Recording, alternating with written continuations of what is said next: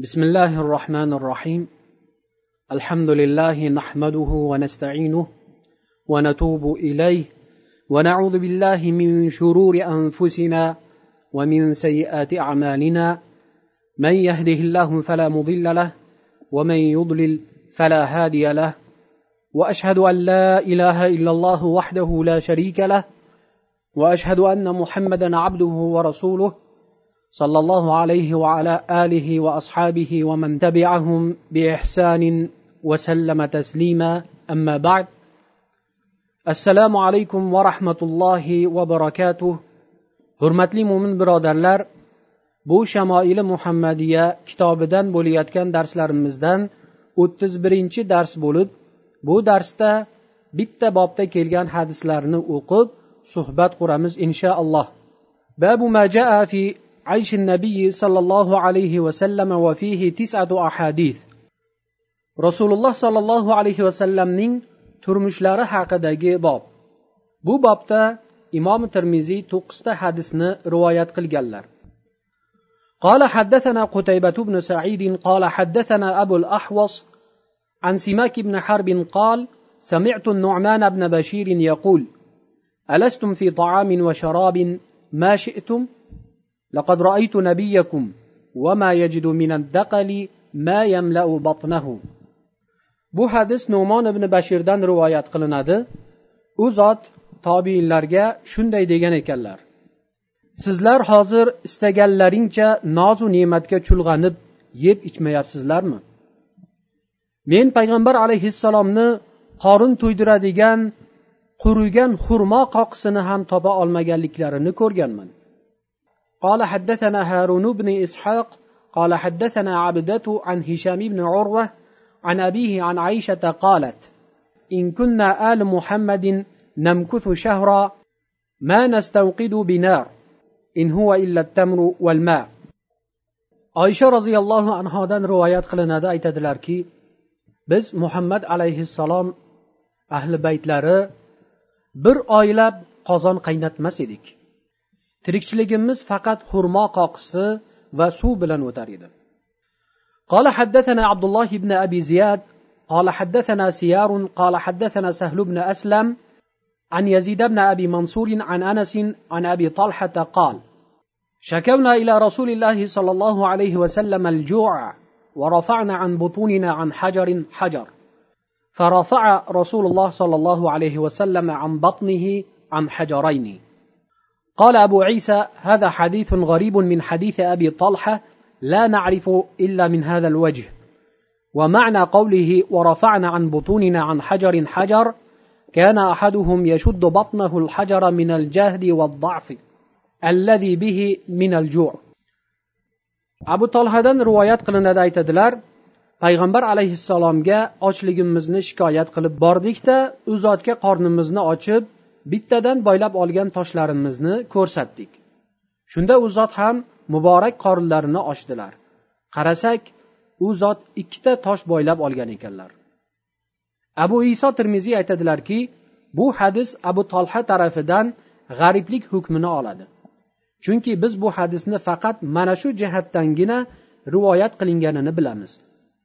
Ammo tosh boylashdan bo'lgan maqsadga kelsak bundan bo'lgan maqsad shuki odam ovqat yemay holsizlanib qolishi natijasida uning beli bukchayib qomatini tik tutib turolmay qoladi shuning uchun qorniga tosh boylab olsa har holda o'zini tetikroq his qiladi قال حدثنا محمد بن اسماعيل قال حدثنا ادم بن ابي اياس قال حدثنا شيبان ابو معاويه قال حدثنا عبد الملك بن عمير عن أبي سلمة بن عبد الرحمن عن أبي هريرة قال خرج النبي صلى الله عليه وسلم في ساعة لا يخرج فيها ولا يلقاه فيها أحد فأتاه أبو بكر فقال ما جاء بك يا أبا بكر؟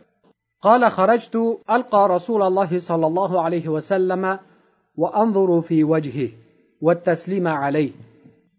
فلم يلبث أن جاء عمر فقال ما جاء بك يا عمر؟ قال الجوع يا رسول الله. قال وأنا قد وجدت بعض ذلك. فانطلقوا إلى منزل أبي الهيثم بن التيهان الأنصاري وكان رجلا كثير النخيل والشجر والشاء ولم يكن له خدم. فلم يجدوه فقالوا لامرأته أين صاحبك؟ فقالت انطلق يستعذب لنا الماء. فلم يلبثوا أن جاء أبو الهيثم بقربة يزعبها فوضعها. ثم جاء يلتزم النبي صلى الله عليه وسلم ويفديه بأبيه وأمه ثم انطلق بهم إلى حديقته فبسط لهم بساطا ثم انطلق إلى نخلة بقنو فوضعه. فقال النبي صلى الله عليه وسلم أفلا تنقيت لنا من رطبه؟ فقال يا رسول الله إني أردت أن تختاروا أو قال تخيروا من رطبه وبصره. فأكلوا وشربوا من ذلك الماء. فقال النبي صلى الله عليه وسلم هذا والذي نفسي بيده من النعيم الذي تسألون عنه يوم القيامة. ظل بارد ورطب طيب وماء بارد. فانطلق أبو الهيثم ليصنع لهم طعاما. فقال النبي صلى الله عليه وسلم لا تذبحن لنا ذات در. فذبح لهم عناقا أو جديا فأتاهم بها فأكلوا. فقال النبي صلى الله عليه وسلم هل لك خادم؟ قال لا. قال فإذا أتانا سبي فأتنا. فأوتي النبي صلى الله عليه وسلم برأسين ليس معهما ثالث فأتاه أبو الهيثم. فقال النبي صلى الله عليه وسلم اختر منهما. فقال يا نبي الله اختر لي. فقال النبي صلى الله عليه وسلم إن المستشار مؤتمن خذ هذا فإني رأيته يصلي واستوصي به معروفا. فانطلق أبو الهيثم إلى امرأته فأخبرها بقول رسول الله صلى الله عليه وسلم. فقالت امرأته ما أنت ببالغ حق ما قال فيه النبي إلا بأن تعتقه؟ قال فهو عتيق. فقال إن الله لم يبعث نبيا ولا خليفة إلا وله بطانتان بطانة تأمره بالمعروف وتنهاه عن المنكر وبطانة لا تألوه خبالة ومن يوق بطانة السوء فقد وقي bu hadis abu hurayra roziyallohu anhudan rivoyat qilinadi aytadilar rasululloh sollallohu alayhi vasallam bir kuni ko'chaga hech kim chiqmaydigan mahalda chiqdilar Qo'qqiz abu bakr kelib qoldilar. Rasululloh sollallohu alayhi vasallam abu bakr qayerdan kelib qolding? dedilar. Allohning rasulini diydor ko'rib unga salom bersam deb uydan chiqqan edim dedilar. Ko'p o'tmay umar ham kelib qoldilar. Payg'ambar alayhissalom u zotga ham sen nima sababdan bu vaqtda uydan chiqding? dedilar. Umar sababi ochlikdir ya rasululloh sollallohu alayhi vasallam dedilar. Shunda payg'ambar alayhissalom men ham shu sababdan uydan chiqqan edim. Kelinglar abu haysam al ansoriyning manziliga boramiz dedilar. Abu haysam xurmozorlari bor va qo'y echkilari ko'p odam edi. Uning xizmatkori bo'lmay chorpoqlariga o'zi qarar va daraxtlarini ham o'zi sug'orib parvarish qilar edi. Shuning uchun uning uyiga borganlarida u kishi uyida yo'q ekan. Ayolidan xo'jayiningiz qayerdalar? deb so'rashdi. Uyga chuchuk suv olib kelgani ketgan edilar deb javob qildi ayol. O'sha vaqtlarda madina ahlining ichimliklari asosan quduqlar suvi bo'lgan edi. Keyin bu quduqlardagi suvlar ham hammasi ham chuchuk suv bo'lavermay balki aksar quduqlar suvi sho'r bo'lar edi. Shuning uchun qudug'idagi suv sho'r bo'lgan odamlar chuchuk suvlarini boshqa birovlarning qudug'idan olib kelishar edi. Ko'p o'tmay abu haysam ham tirishib tirmashib bir nechta chuchuk suv ko'tarib kelib qoldi.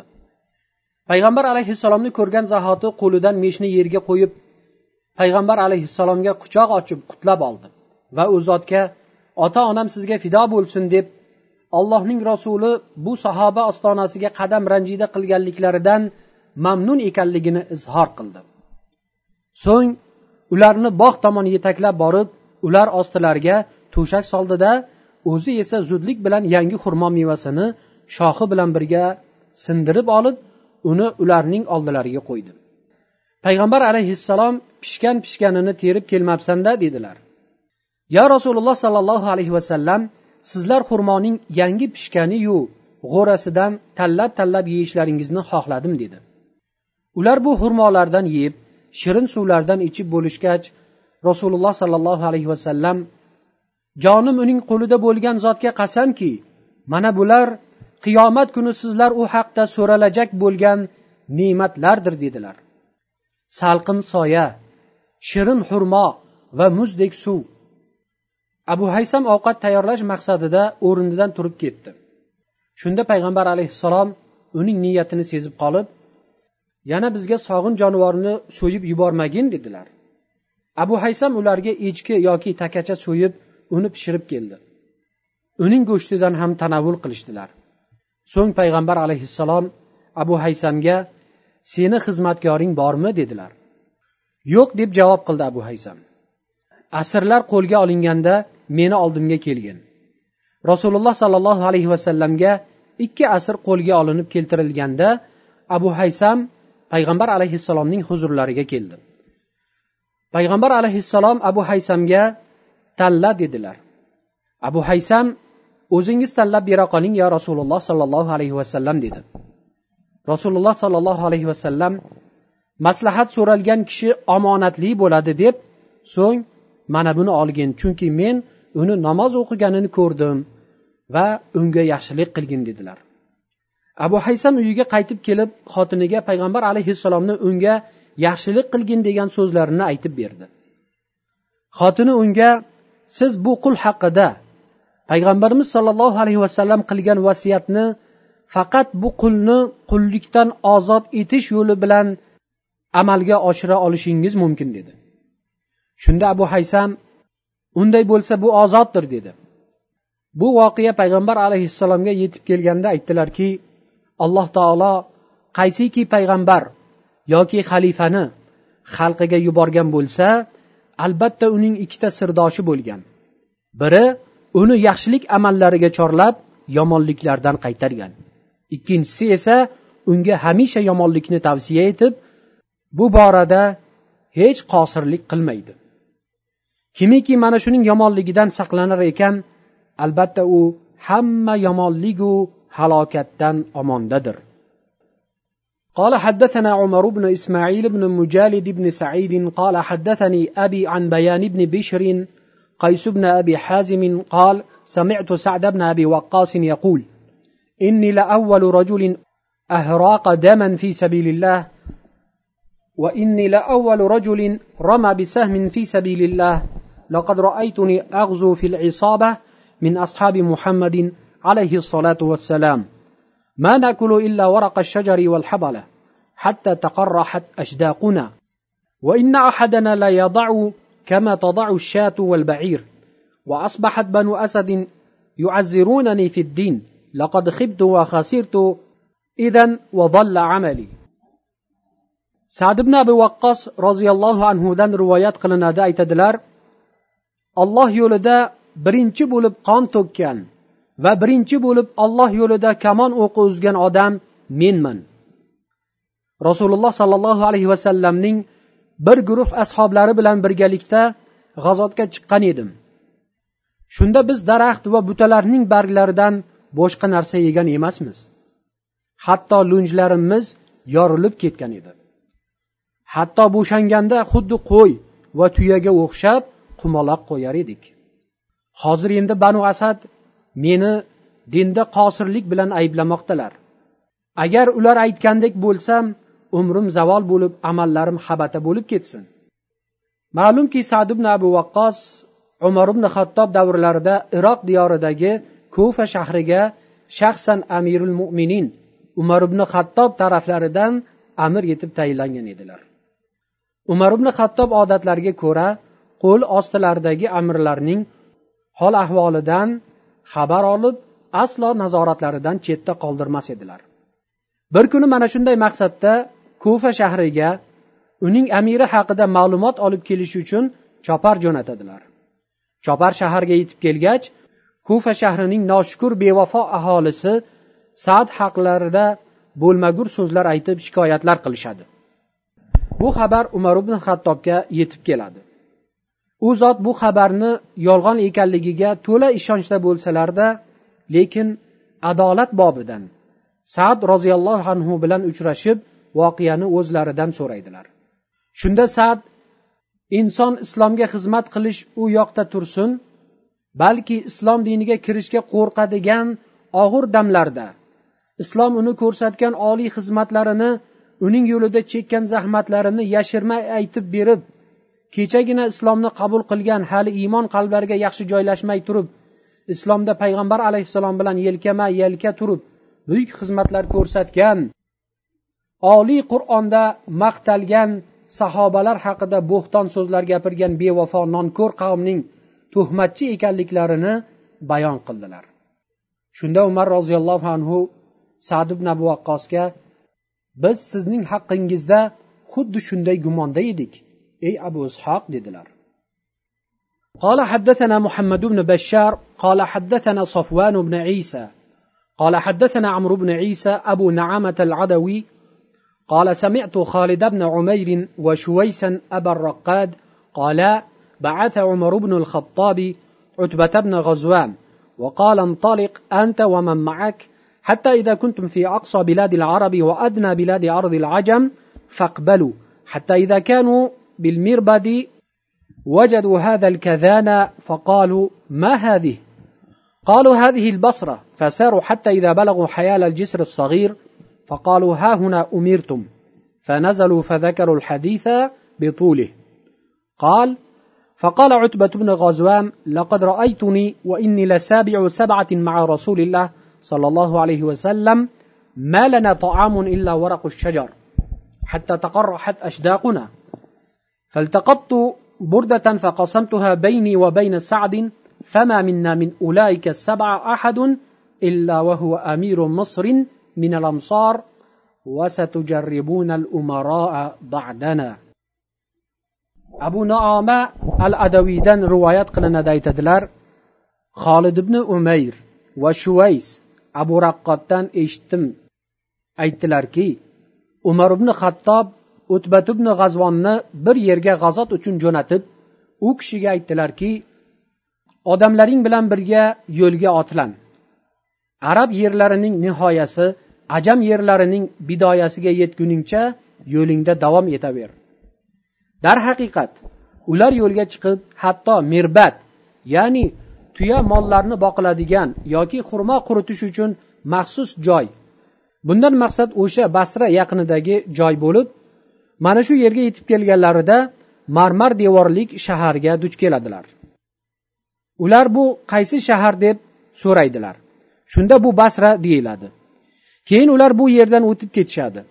So'ng bir kichik ko'prikka yetib kelib bizlarga tayinlangan makon xuddi shu yer deb o'sha yerda to'xtaydilar. Roviy bo'lgan voqeani to'laligicha zikr qilib keyin voqeadan bobga taalluqli yerini o'zinigina hikoya qilib aytadiki o'tbat ibn g'azvon aytadilarki men rasululloh sollallohu alayhi vasallamga iymon keltirgan kishilarning yettinchisi edim. O'shanda bizlar yeydigan taom faqat daraxtlarning barglari va o't o'lanlar edi. Hatto bu taomdan lo'nchlarimiz yorilib ketgan edi. Men bir to'nga ega bo'lib qoldim. Keyin esa uni sad ikkovimiz bo'lishib oldik. Keyin esa uni sad ikkovimiz bo'lishib oldik. Hozirda mana shu yetti kishilarning har biri alohida bittadan shaharga amir bo'lib qoldilar. Hali sizlar bizlardan keyin amirlarni ko'rarsizlar ham. Aytib o'tganimizdek noshukur bandalar yaxshilikka yomonlik bilan javob qiladilar. Agar ularga qo'yib bersangiz boshqa hadisda aytilgandek agar odamlarga qo'yib bersang ular birovlarning qoniyu mollarini davo qiladilar. Lekin da'vogarga dalil keltirishi ustidan davo qilingan shaxs esa qasam ichishi lozim. Mana shunday illatga giriftor bo'lganliklari uchun sad roziyallohu anhuning qadrlarini bilmadilar. Sad roziyallohu anhuning qadri qimmatlarini allohning rasuli muhammad alayhissalom juda yaxshi bilgan edilar. U zotga hatto uhud g'azoti kuni yonlarida turib u kishiga kamon o'qi olib berib turgan edilar va oting sizga ota onam fido bo'lsin oting ey sad deb xitob qilgan edilar. Keyin esa ey olloh sadning o'qini xato ketkazmagin duosini ijobat qilgin deb u zotning haqqilarida bir qancha duolar qilgan edilar. Payg'ambar alayhissalomning duolari beshak mustajobdir. Ba'zi sahobalar sad roziyallohu anhuni xafa qilib qo'ysalar darrov kechirim so'rab meni duoyi bad qilib yubormang deyishar ekan. Chunki sizni duoyingiz mustajabdir deyishar ekan. Sad roziyallohu anhuni bir kishi urushda qo'rqoq adolatni bilmaydigan raiyadan xabar olmaydigan xudbin odam deb haqoratlab u kishining ustilaridan bo'xton yong'onlarni so'zladi. Shunda sad u odamga duoibad qilgan edilar. Duolari ijobat bo'lib u qarigan chog'ida qashshoqchiliklarni boshidan kechirib fitnalarga duch kelib meni sadning duosi urgan meni sadning duosi urgan deb yurar edi. Allohning valiylariga adovatli bo'lib ularni noo'rin haqoratlashdan ehtiyotda bo'lmoq darkor. Chunki hadisda xabar qilinishicha alloh taolo kim mening valiyimga adovat qilsa men unga urush e'lon qilaman deydi. قال حدثنا عبد الله بن عبد الرحمن قال حدثنا روح بن أسلم أبو حاتم البصري قال حدثنا حماد بن سلمة قال حدثنا ثابت عن عنس قال قال رسول الله صلى الله عليه وسلم لقد أخفت في الله وما يخاف أحد ولقد أوذيت في الله وما يؤذي أحد ولقد أتت علي ثلاثون من بين ليلة ويوم وما لي ولبلال طعام يأكله. ذو كبد إلا شيء يواريه إبط بلال anas roziyallohu anhudan rivoyat qilinadi aytadilar payg'ambar sollallohu alayhi vasallam aytgan edilarki hech kim qo'rqmaydigan davrda menga ollohdan qo'rqish ato qilindi hech kim ozor chekmaydigan davrda men olloh yo'lida aziyatlar chekdim goho meni boshimdan shunday davrlar o'tdiki o'ttiz kechayu kunduz men va bilol tirik jon yegulik biror narsa topa olmadik magar bilolning qo'ltig'i berkitgan ya'ni bu kinoya so'zlardan bo'lib taomning ozligiga dalolat qiladi agar ko'p bo'lganda edi albatta qo'ltiq ostiga sig'mas edi mana shu narsagina bo'lar edi dedilar قال حدثنا عبد الله بن عبد الرحمن قال أنبأنا عفان بن مسلم قال حدثنا أبان بن يزيد العطار قال حدثنا قتادة عن أنس بن مالك أن النبي لم يجتمع عنده غداء ولا عشاء من خبز ولحم إلا على ضفف قال عبد الله قال بعضهم هو كثرة الأيدي anas roziyallohu anhu aytadilarki payg'ambar sollallohu alayhi vasallamning tushlik ovqatlarida bo'lsin yoki kechki ovqatlarida bo'lsin aslo non bilan go'sht jamlangan emas edi faqat mehmon kelgandagina bo'lar edi abdulloh aytadilarki ba'zilar zafaf kalimasining ma'nosi tovoq yoki dasturxon ustida qo'llarning ko'p bo'lishidir deyishadi ya'ni bundan mehmonlar nazarda tutilmoqda قال حدثنا عبد بن حميد قال حدثنا محمد بن اسماعيل بن ابي فديك قال حدثنا ابن ابي ذئب عن مسلم بن جندب عن نوفل بن إياس الهذلي. قال كان عبد الرحمن بن عوف لنا جليسا وكان نعم الجليس وإنه انقلب بنا ذات يوم حتى إذا دخلنا بيته ودخل فاغتسل ثم خرج فأوتينا بصحفة فيها خبز ولحم. فلما وضعت بكى عبد الرحمن فقلت له يا أبا محمد ما يبكيك؟ فقال هلك رسول الله ولم يشبع هو واهل بيته من خبز الشعير فلا ارانا اخرنا لما هو خير لنا nafal ibn iyos al huzaliydan rivoyat qilinadi aytadilarki abdurahmon ibn avf bizning suhbatdoshimiz edilar suhbatdoshimiz nihoyatda ulug'vor inson edilar bir kuni u zot bizlarni uylariga taklif qildilar biz uylariga kirdik uylarida g'usul qilib bizlarning oldimizga chiqdilar keyin esa bizlarga bir tovoqda non va go'sht keltirildi. U tovoq dasturxonga qo'yilgan vaqt abdurahmon ibn avf yig'lab yubordilar. Men abu muhammad nima uchun yig'layapsiz? dedim. Shunda u kishi aytdilarki rasululloh sollallohu alayhi vasallam o'zlari ham ahli ayollari ham bu dunyodan arpa noniga qorin to'ymay o'tib ketdilar. Bizlar umrimiz uzoq qilinib bu ne'matlarga musharraf bo'lishimiz yaxshilik alomatidir deb o'ylamayman. Butun olamlarning sarvari muhammad sollallohu alayhi vasallamning madrasalarida ta'lim olgan bu oliy janob shaxslar foniy dunyoga hirs qo'ymay oxirat g'amida yashab o'tib ketdilar. Shuning uchun ular dunyoga chulg'anib ketgan chog'larida ham bu ne'matlarni abadiy ne'mat deb bilmadilar balki bu ne'matlarni o'tkinchi bebaqodir deb hamisha tugalmas va bitmas ne'matlar uchun va oliy maqomlar sari sa'y harakatlar qildilar. Bizlar ham peshvolarimiz izlaridan yuradigan oxirat g'amida yashaydigan bo'lishimizni alloh taolodan tilaymiz. Va sallallohu vasallam ala nabiyina muhammad va ala alihi va sahbihi ajmain. Assalomu alaykum va rahmatullohi va barakatuh.